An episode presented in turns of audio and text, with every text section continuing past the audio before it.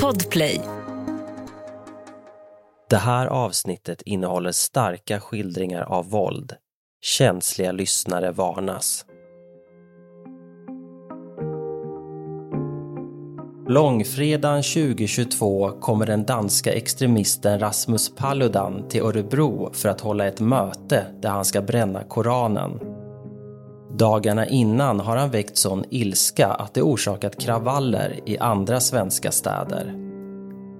När pensionären Lars-Åke Madelid får veta att Paludans möte i Örebro ska äga rum i Sveaparken cyklar han dit och hamnar mitt i ett våldsamt upplopp. Fler än 200 personer ska ha samlats vid Sveaparken i Örebro och polisen säger att det kastats stenar och bangers. De underbemannade poliserna attackeras med stenar och deras fordon sätts i brand. Det är ju krig och polisen får ju stryk. Mitt i slagfältet står Lars-Åke Madelid i timmar och filmar med sin iPhone. Trots att tegelstenar och kraftfulla smällare far genom luften känner han sig inte rädd. Men det ändras när en aggressiv maskerad man kommer fram och försöker slita mobiltelefonen ur handen på honom. Du lyssnar på Jag var där med Lisa Wallström och mig, Andreas Utterström. Nytt avsnitt varje onsdag, om du inte lyssnar i Podplay-appen. Där finns hela säsongen redan nu, helt gratis.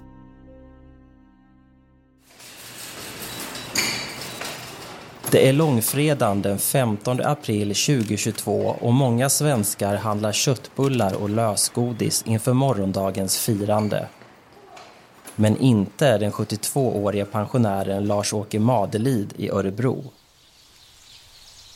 De vuxna barnen ska fira på sitt håll och hans egna påskplaner är obefintliga. Vid lunchtid sätter Lars-Åke Madelid sig på cykeln och trampar ner till en av sina favoritplatser i Örebro. En bänk på en liten brygga vid Svartån, mitt i stan på andra sidan Hamnplan. Det är inte någon av Örebros mest kända platser. Men Lars-Åke Madelid kan stan på sina fem fingrar, är uppväxt där och efter några år i Malmö flyttade han tillbaka 1975.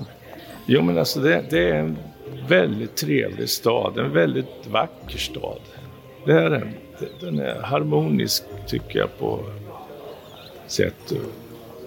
Trevligt att gå runt och promenera och sen är det så, har man sina rötter så känner man ju många också här. Under sitt yrkesliv testar Lars-Åke Madelid många branscher. Han jobbar med utsatta ungdomar i Rosengård i Malmö, arbetar som industrielektriker, journalist och IT-konsult.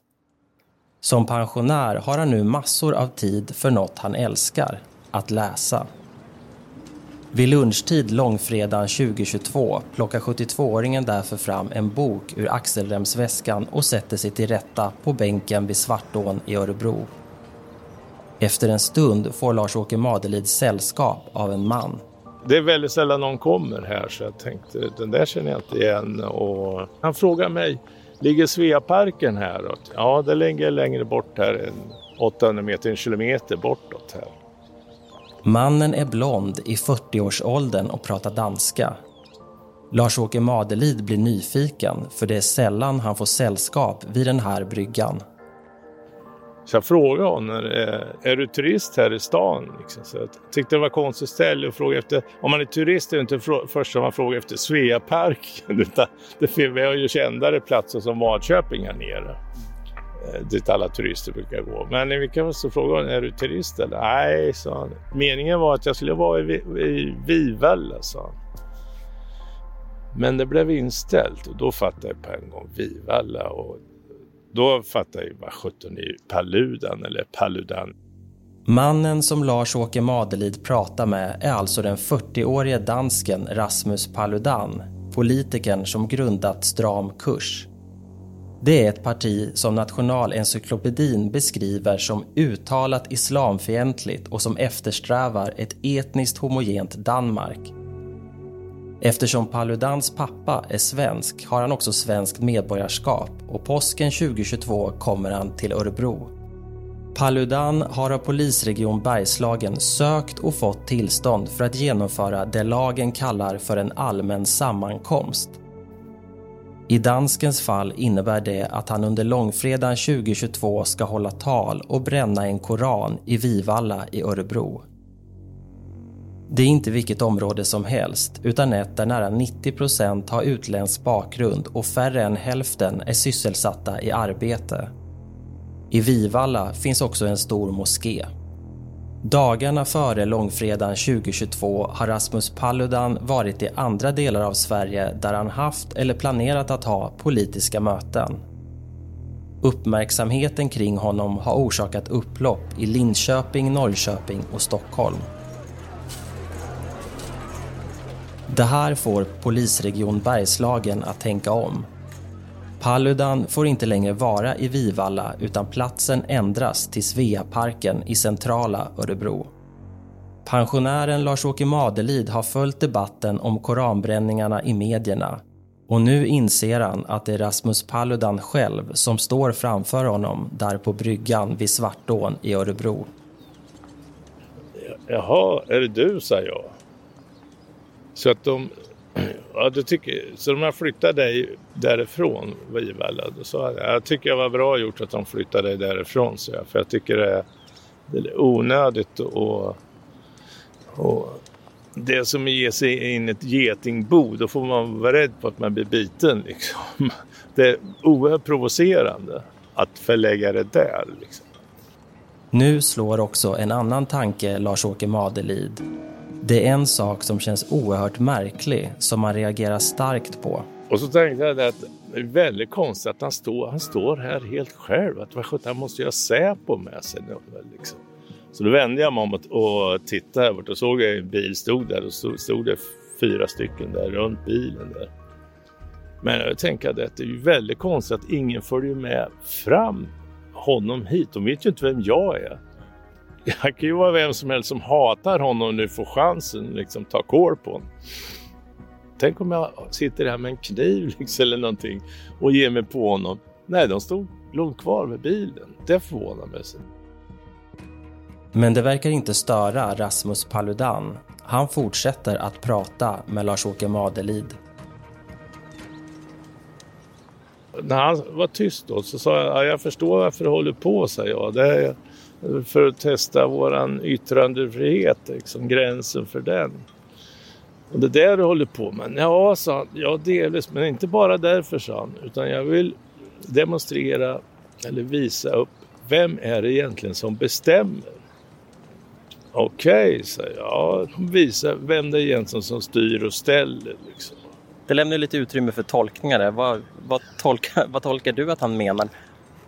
Ja, han räknar ju med att motdemonstranter blev förbannade så det, att de skulle dyka upp. Det kanske skulle bli lite eh, våldsamt och att eh, ingen kan göra någonting åt det så att säga. Vilket visar vem det är som bestämmer. Om det inte blir någon åtgärd mot dem som ställer till det här så att säga.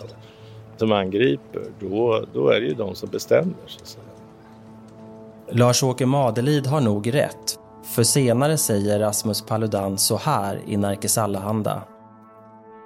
Sverige är ett dysfunktionellt och döende land där antidemokratiska krafter har monopol på våld. Regeringen och pressen har hållit den sanningen gömd för svenskarna i flera år. Påsken 2022 avslöjades verkligheten i Sverige.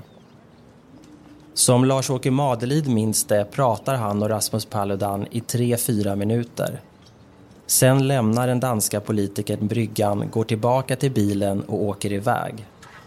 Lars-Åke Madelid utgår från att Paludan nu åker till Sveaparken, den nya platsen för koranbränningen. Så jag tänkte jag, jag tar cykeln och cyklar ner dit. Att Lars-Åke Madeliv trampar iväg mot Sveaparken, en cykeltur på ungefär fem minuter, handlar inte bara om nyfikenhet. Parken är speciell för honom, laddad med minnen från barndomen på 50-talet fram till idag.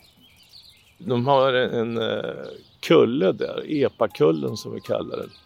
Det är ju en enda kulle här inne i stan, så där var jag och åkte bob när jag var liten.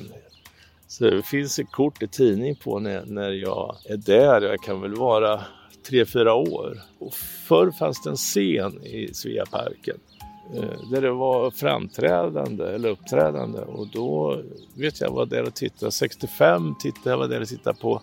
Det var i Örebro 700 år. Då spelade både Hepstars och Tages där i Sveaparken. Gratiskonserter. Så då var jag ju där så att jag har ju gått eh, eh, genom parken många gånger. Jag är ju fortfarande, jag går ju dit i alla fall två gånger i veckan sådär. Va? Och sitter och läser och sådär. Det är en jättestillsam och rofylld park. Sådär. Sommaren 2023, 16 månader senare, är Lars-Åke Madelid tillbaka i Sveaparken i Örebro. Han tycker att minnena från påsken förra året börjar blekna. Men ju mer Lars-Åke Madelid berättar, desto mer minns han. Efter att på långfredagen 2022 ha träffat Rasmus Paludan vid bryggan och trampat till Sveaparken parkerar han cykeln i närheten. Med sig har han bara sin axelremsväska med bok och mobiltelefon.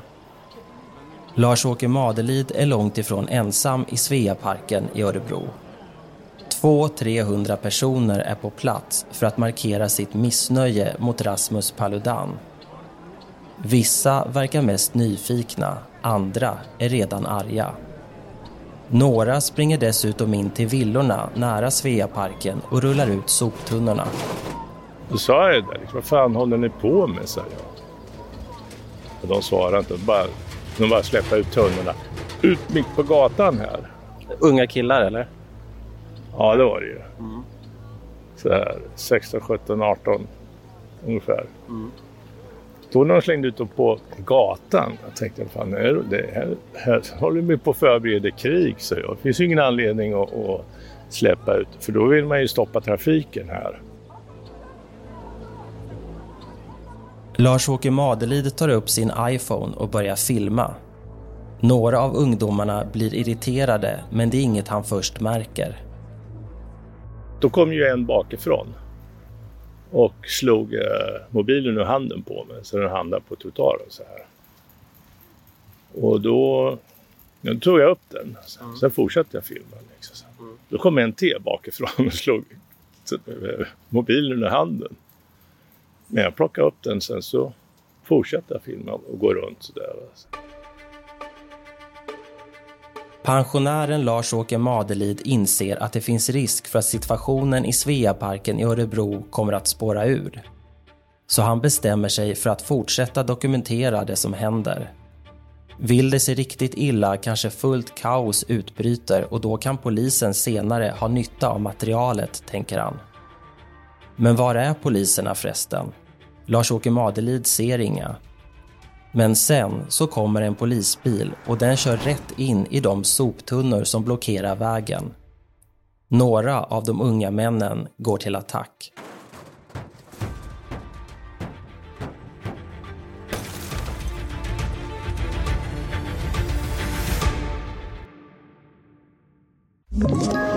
Ett poddtips från Podplay. I podden Något Kaiko garanterar östgötarna Brutti och jag, Davva, dig en stor dos skratt. Där följer jag pladask för köttätandet igen. Man är lite som en jävla vampyr. Man har fått lite blodsmak och då måste man ha mer. Udda spaningar, fängslande anekdoter och en och annan arg rant. Jag måste ha mitt kaffe på morgonen för annars är jag ingen trevlig människa. Då är du ingen trevlig människa, punkt. Något kajko, hör du på podplay. Därför är gardinerna. När polisen anländer till Sveaparken i Örebro långfredagen 2022 blir det som en tändande gnista. Lars-Åke Madelid följer allt på nära håll. Då kom ju första polisbussen in på den här gatan och körde på de här soptunnorna som var här. Det började ju hagla då sten och sånt där eller det de fick ta på, här är ju inte så mycket sten, men det de fick ta på slängde de emot. Då begrep jag från början att de förbereder ju krig här. Det är ju krig mot polisen för det är ju inga andra bilar eller någonting här. Liksom. De flesta runt omkring honom är ungdomar med utländsk bakgrund så 72-årige Lars-Åke Madelid sticker ut i både ålder och hudfärg. Istället för att lämna Sveaparken i Örebro när stenkastningen börjar så fortsätter han att filma. Lars-Åke Madelid har bestämt sig för att stanna kvar. Antingen är man sån eller också är man inte sån. Jag står ju alltid kvar. Polisen försöker föra dialog med de drivande i folkmassan men misslyckas. Många av de unga männen är maskerade och aggressiva. Till en början är det 50-60 personer som är drivande. När läget trappas upp fattar polisen beslut om en så kallad skingringsbefallning. Det innebär att de som finns på platsen ska gå därifrån för att förhindra att en hotfull situation övergår i våld. Men det hjälper inte heller. Samtidigt kommer allt fler aggressiva unga män till Sveaparken. Även polisen får förstärkning men befinner sig fortfarande i underläge. Som mest befinner sig ungefär 800 personer i parken under långfredagen. 135 av dem är poliser och de bedömer att 200-300 personer i folkmassan är aktiva våldsverkare ute efter att skada dem. Vid femtiden på eftermiddagen långfredagen 2022 är situationen väldigt spänd. När kravallstaketen som satts upp forceras av unga maskerade män startar det verkliga upploppet. Polisen får stenar, tegelstenar och bangers, alltså kraftiga smällare, slängda mot sig. Även polishundarna attackeras. Lars-Åke Madelid, som står mitt i kaoset och filmar, reagerar över polisernas bristfälliga utrustning. Alla hade ju inte sköld. Jag reagerar jävligt hårt på det. Att de, för att de rusade ju mot polisen här och kastade sten. Och poliserna stod där och... och de kunde ju inte göra någonting. De hade ju inget liksom, vapen eller någonting. Så här, va? Jag tänkte, vad fan har de inga vattenkanoner i alla fall? Eh, för nu börjar det, det börjar ju liksom bli riktigt allvarligt. Va? Och det växte ju fler och fler blev de ju. Mm. De stod ju, de, de rusade mot polisen då, och då, då gjorde ju polisen sådana här attacker framåt. Mm. Med de där pinnarna till batong som, de, som ingen behöver bry sig om egentligen.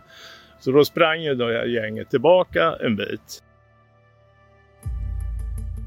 Lars-Åke Madelid upplever det som händer som ett fältslag.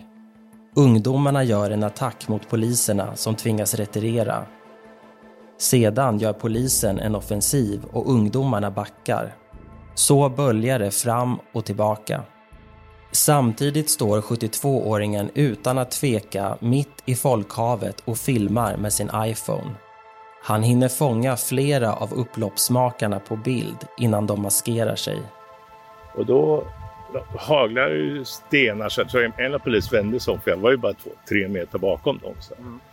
Ja, nu är det bäst att flytta på det för det kan bli farligt, så.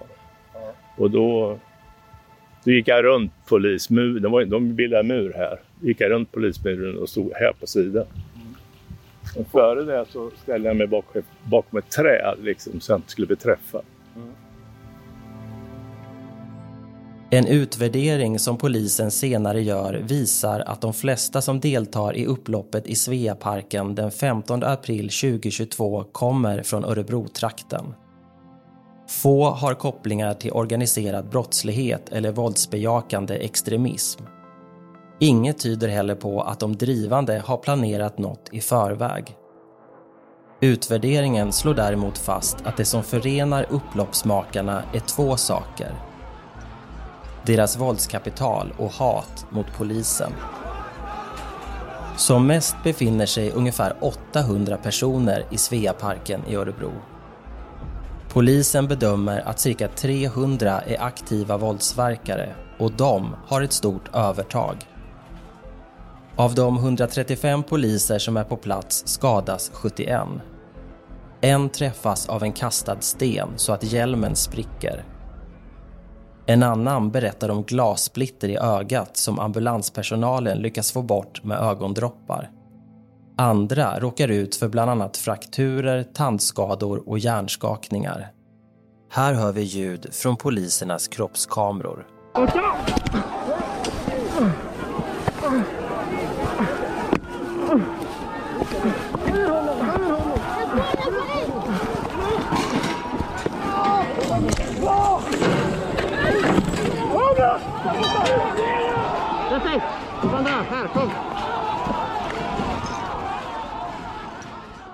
Pensionären Lars-Åke Madelid är chockad. Jag tänkte, men herregud, hur ska det här sluta? Ni har de där pinnarna alltså till batonger liksom. Alltså, batong är ju för närstrid. Liksom. Du har ju inte en suck mot om de står och kastar sten och då blir det fler och fler och fler liksom. Alltså, kastar stora stenar. Det finns ju inte en chans. Jag tyckte det var förskräckligt att se. Nu har det som pågår i Örebro blivit en riksnyhet. Så här låter det i Aftonbladet TV den 15 april 2022. Våldsamma upplopp pågår just nu i Örebro där fyra poliser och en privatperson har skadats. Detta efter att högerextrema Rasmus Paludan planerat att bränna en koran i Örebro. Något som ännu inte har kunnat genomföras på grund av oroligheterna på plats. Fler än 200 personer ska ha samlats vid Sveaparken i Örebro och polisen säger att det kastats stenar och bangers. Senare visar flera rättegångar och polisens egna utvärdering att de flesta drivande i upploppet är unga män. Men det finns också kvinnor och barn som hjälper till genom att hämta stenar som sen kastas mot polisen. Lars-Åke Madelid ser det själv vid en bäck som ligger i utkanten av parken. Där finns det ju stora stenar. Så där var de ju nere och hämta. Några hämta och langa upp och de andra kasta. Men långt ifrån alla som befinner sig i Sveaparken på långfredagen 2022 är där för att slåss med polisen. Vissa har kommit av nyfikenhet och är nu förfärade. I synnerhet de som är muslimer, för de inser att upploppsmakarna nu kommer att ge alla utövare av islam dåligt rykte. Framförallt några äldre, så jag, när jag gick runt ibland, då kom ju någon äldre förbi och tittade på mig och och skakade på huvudet och sa att det här är inte bra. Det här är inte bra. Några i folkhavet vill också diskutera själva sakfrågan med Lars-Åke Madelid. Är det rätt att svensk yttrandefrihet låter Rasmus Paludan bränna Koranen? Lars-Åke Madelid börjar prata med en muslimsk man. Så ser det demokratin och vår yttrandefrihet, så här ser den ut. Det är tillåtet. Du, du får gå ut och bränna en bibel om du vill. Eh, jag sa en, jag sa till henne, ja, men du, om du är så upprörd över det här, du och jag kan ses här klockan 12 så ska vi, ska vi ta med några biblar så eldar du och jag upp de där bilderna, eh, biblarna och så får vi se vad som händer, hur många som kommer skrikande och stormande då. Det är ju ingen som kommer att komma. Det är bara, alltså ni, ni spelar ju eh, Paludan i händerna. Han vill ju visa att ni är farliga, att ni är aggressiva och ni ställer ju upp på det. Hade ni bara gått härifrån hade ni skit och kommit hit och han har stått där och bränt. Det hade ju varit jätteflopp för honom. Så Det, hade haft, det hade haft effekt. Det här är ju bara att ni bekräftar att, att han har rätt i han säger, att ni är farliga och våldsamma. Så ni, ni gör ju bort det. Det sa jag till alla som kom. Diskussionen kommer inte längre än så. Lars-Åke Madelid har dessutom annat att tänka på att fortsätta dokumentera upploppet. Få blir arga på 72-åringen när han går runt och filmar med sin iPhone. Däremot undrar några unga män varför han riktar kameran mot dem och inte polisen. Det är väldigt aggressiva redan från början. så. Och så piskas ju stämningen ut. Då blir det andra som då hänger på också. Det är mycket sådana som hänger på. Men det, var ju, det blir ju så här masspsykos mycket. Så här. Så här rapporterar Expressen TV den 15 april 2022. Säg till dem viva! Så blir det när man tillåter någon fitta bränna upp Koranen med tillstånd. Säg till dem! Säg till dem viva! Polisbilar som brinner, demonstranter som går runt i polisens gasmasker och reflexvästar. Ja, våldsamma scener utspelade sig i Sveaparken i Örebro idag. Rasmus Paludan bränner aldrig någon koran i Sveaparken i Örebro. Han sätter inte ens sin fot där. Polisen blåser av hans sammankomst när stämningen blivit för hotfull. Den danske politikern är visserligen orsaken till att så många kommit till parken. Men nu har protesterna förvandlats till något helt annat. Ett vilt slagsmål mellan mobb och ordningsmakt. Polisen skjuter till och med varningsskott utan att det har någon effekt. Upploppet har förvandlat Lars-Åke Madelids rofyllda park till en leråker. En av polisbussarna kör fast i geggan och när poliserna, underbemannade och dåligt utrustade, får order om att lämna Sveaparken är det fritt fram för upploppsmakarna. Några hoppar in i polisbussen och kör runt med den. Så den erövrades, den tog sig av dem. Ja, det blev som en signal alltså. Fan, man kan sno en polisbuss. Det måste ju fler göra. Liksom. Ja, jag förstår liksom. Det, så här, ja, det motsvarar machokulturen som finns i de där gängen så att säga. Plus att det ger ju en jävla maktkänsla. Sno polisens polisbuss, en extrautrustad polisbuss och kör Alltså det är något att skryta med hem på gården och sen så det ger en jävla maktkänsla och det där känns ju inte bra. Man ska inte kunna ta en polisbuss. Det, ja, det kändes fruktansvärt alltså. Se det jävla gänget sno ta över polisbussar. Det är ju inte klokt. Det får ju inte, det får inte hända alltså. Det är ju krig och polisen får ju stryk. Fyra polisfordon sätts i brand. När elden härjat klart ser de ut som förkolnade skelett i plåt. Allt inuti har brunnit upp med undantag för en och annan burk energidryck.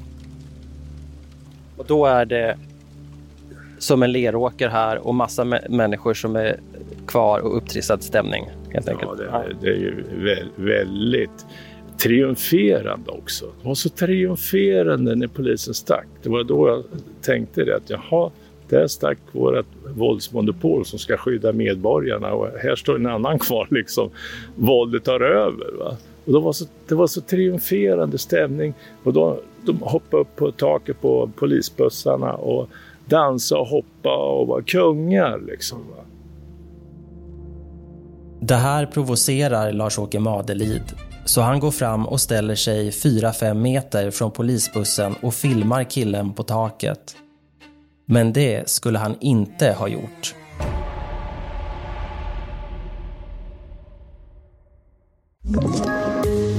Poddtips från Podplay.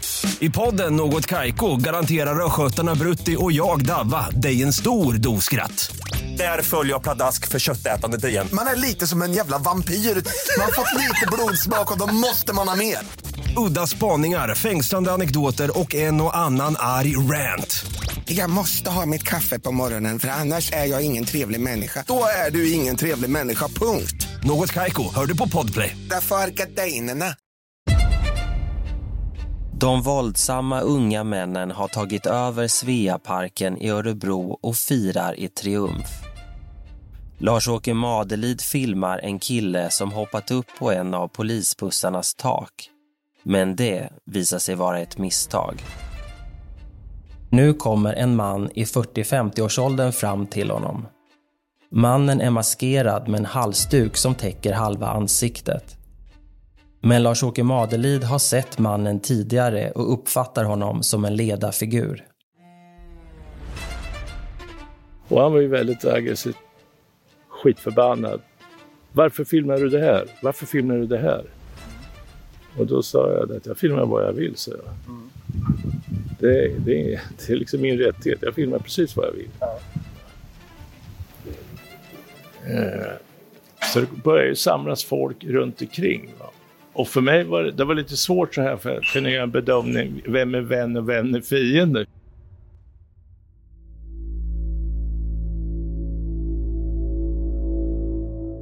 Den maskerade mannen är definitivt en fiende. Han är fortfarande arg och försöker rycka telefonen ur Lars-Åke Madelids hand. Jag slet tillbaka handen. Så här? Då sa jag det är det så jävla känsligt så jag så kan jag ta bort den här filmen jag tagit här i slutet. Så här, va?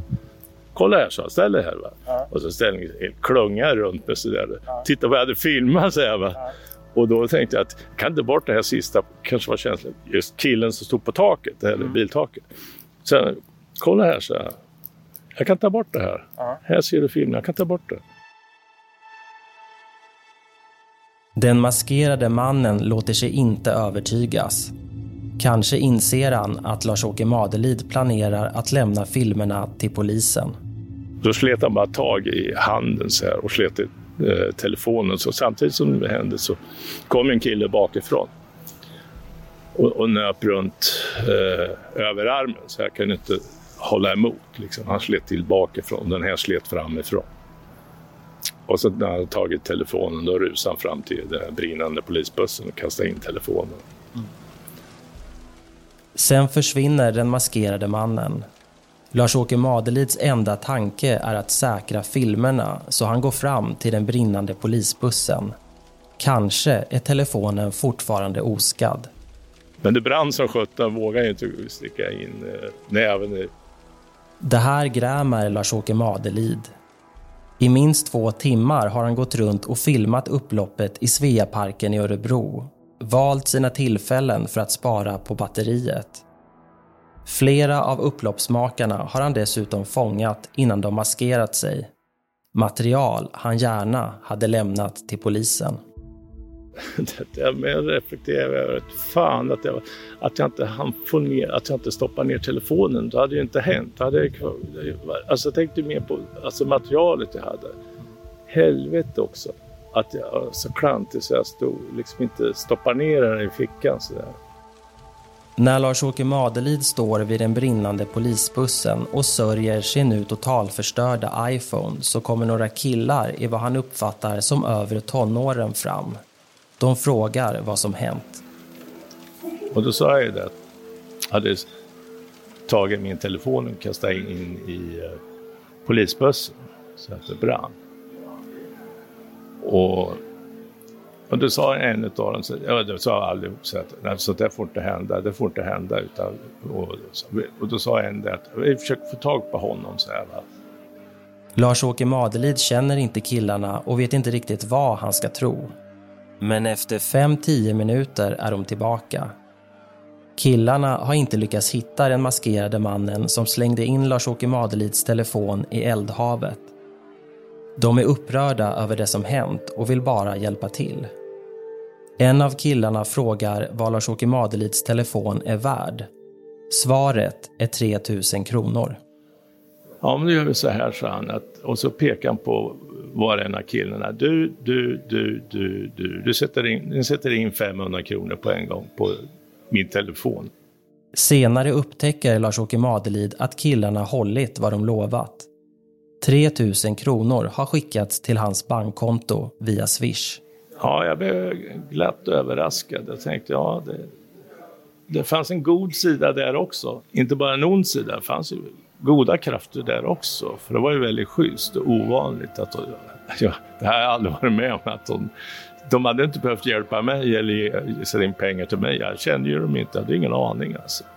Sa de varför de gjorde det eller frågade du? Nej, ja, nej. de sa det att sånt här får inte hända. Det att de, de ville ju inte att, de, att, man skulle få en negativ bild utav av den här eh, ja, muslimer och så. Mm. Det var ju det det handlade om. Alltså, de ville inte att, eh, de tyckte det var förskräckligt. Liksom.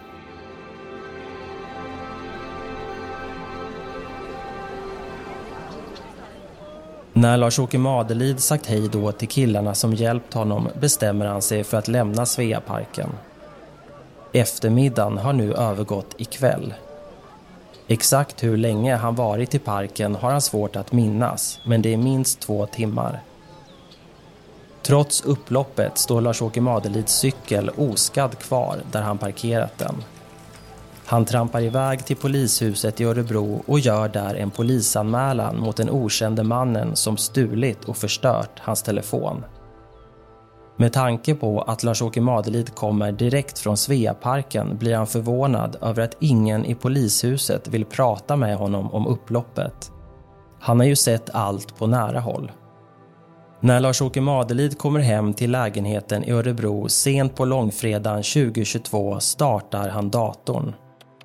Kan det vara så att mobilfilmerna från Sveaparken har synkats och finns sparade i en molntjänst? Nej, Lars-Åke Madelid hittar dem ingenstans. Besvikelsen är stor. Men det mest akuta problemet är ett annat.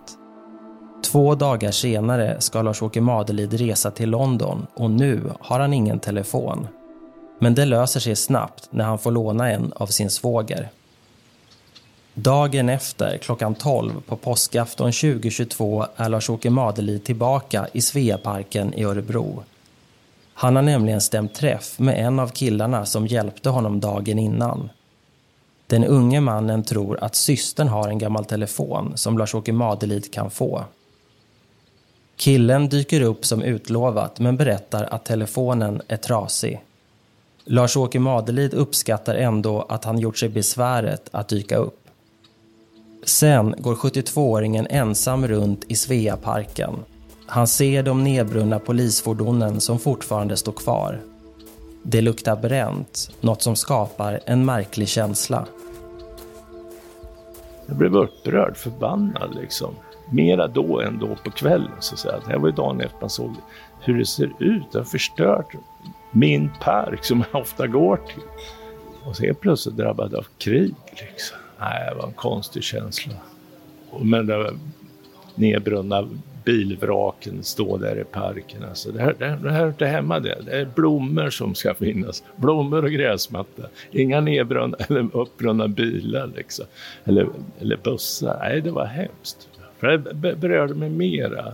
Därför att det är en rofylld fin park och sen, alltså, när man ser, ser en krigsskådeplats. Lars-Åke Madelid kommer iväg på sin planerade resa till London. Veckorna efter påskupploppet i Örebro följer han noggrant rapporteringen i medierna. De materiella skadorna uppgår till åtminstone 3 miljoner kronor. Ännu värre är det med de poliser som var på plats. Förutom att 71 av de 135 skadas fysiskt så visar en enkätundersökning att 64 får psykiska besvär efteråt. En polisman berättar i en intervju att han aldrig tidigare mött ett sånt hat. Samtidigt pågår en mängd utredningar Mannen som förstört Lars-Åke Madelids telefon hittas inte. Däremot kan många andra upploppsmakare identifieras bland annat genom 700 timmars film som polisen går igenom. Några månader efter upploppet, sommaren 2022, är det dags för en av många rättegångar i Örebro tingsrätt. Och Lars-Åke Madelid är på plats bland åhörarna. Det det var en helt annan uh, ton då. Den var ju väldigt ödmjuk och skrapa på foten och så. Att de var ju, hade ju inte gjort någonting. Så det var ju, ja, det var motsatsen till vad som var på plats. Så. Åklagaren spelar upp filmer som visar vad som hände i Sveaparken den 15 april 2022. Nu får Lars-Åke Madelid en överblick som han saknade mitt i kaoset. Han ser hur många som faktiskt var på plats, hur okontrollerad situationen var. Hade Lars-Åke Madelid där och då kunnat se skeendet uppifrån hade han nog lämnat Sveaparken tidigare. Jag hade, hade nog tänkt ett varv till, det hade jag gjort alltså, för det såg eh, mycket värre ut så än vad jag upplevde Alltså för att så jag kände aldrig någon fara eller rädd. Jag tyckte jag hade kontroll över det som hände runt omkring mig. Så. Eh, men eh, det såg var ju oerhört dramatiskt, alltså man har överblick och ser vad, när man får bild på alla platser. I augusti 2023 har sammanlagt 87 personer varit frihetsberövade misstänkta för brott i samband med upploppet i Sveaparken i Örebro året innan. Enligt P4 Örebro har ett 70-tal personer dömts till fängelse. Räknar man ihop alla straff ska de sitta inlåsta i över 200 år. Enligt experter som P4 Örebro har pratat med är det sannolikt första gången i Sverige som en enskild händelse leder till så många fängelsestraff. Men polisutredningarna fortsätter och fler åtal kan komma. Polisen gör också en utvärdering som analyserar 12 händelser påsken 2022. Upplopp som skedde både före och efter det i Örebro och som alla har koppling till Rasmus Paludan. Slutsatsen är att polisens arbete brast på de flesta områden. Bedömningen av hotbilden, planeringen, den interna kommunikationen och utrustningen. Det mest nedslående är utvärderingens beska kommentar om polisens oförmåga att ta till sig sina egna slutsatser. Många av de färska förslagen, som gäller allt från den interna processen till inköp av vattenkanoner, ja, de finns redan i tidigare utvärderingar från liknande händelser. Uppmärksamheten kring koranbränningarna i Sverige har också fått andra konsekvenser. De har gjort svenska ambassader runt om i världen till måltavlor. Det blir tydligt i Irak sommaren 2023 då svenska ambassaden i Bagdad stormas. Koranbränningarna är också något som främmande makt utnyttjar i desinformationskampanjer på nätet. Där pekar Sverige ut som ett land där muslimer kränks, något som bidrar till att hotbilden successivt ökar. Det här får, tillsammans med andra faktorer, Säkerhetspolisen att i augusti 2023 höja terrorhotnivån. Från 3 till 4 på en femgradig skala. Även politikerna agerar. Samma månad tillsätter regeringen en ny utredning. Den ska undersöka möjligheten att ändra lagen så att polisen kan neka tillstånd till en allmän sammankomst om den anses vara ett hot mot Sveriges säkerhet.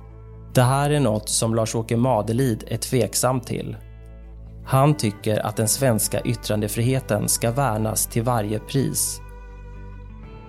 Upploppet i Sveaparken i Örebro 2022 har inte fått honom att ändra sig. Det har heller inte fått honom att sluta besöka sin favoritpark. nu är det fint igen. De har sopat igen spåren av de eh, nedbrunna polisbussarna. Nu finns inte ett spår där nere.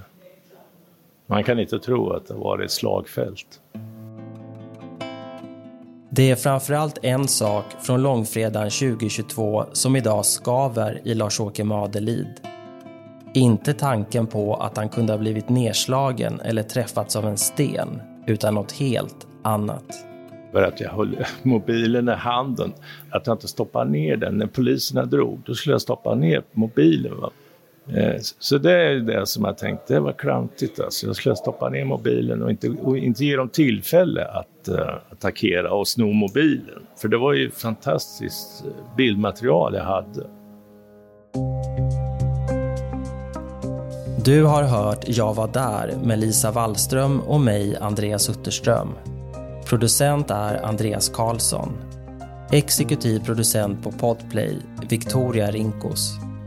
Det här är en produktion av Commercial Content för Podplay. Läs mer om commercial content på vår sajt och följ oss gärna på Instagram och LinkedIn.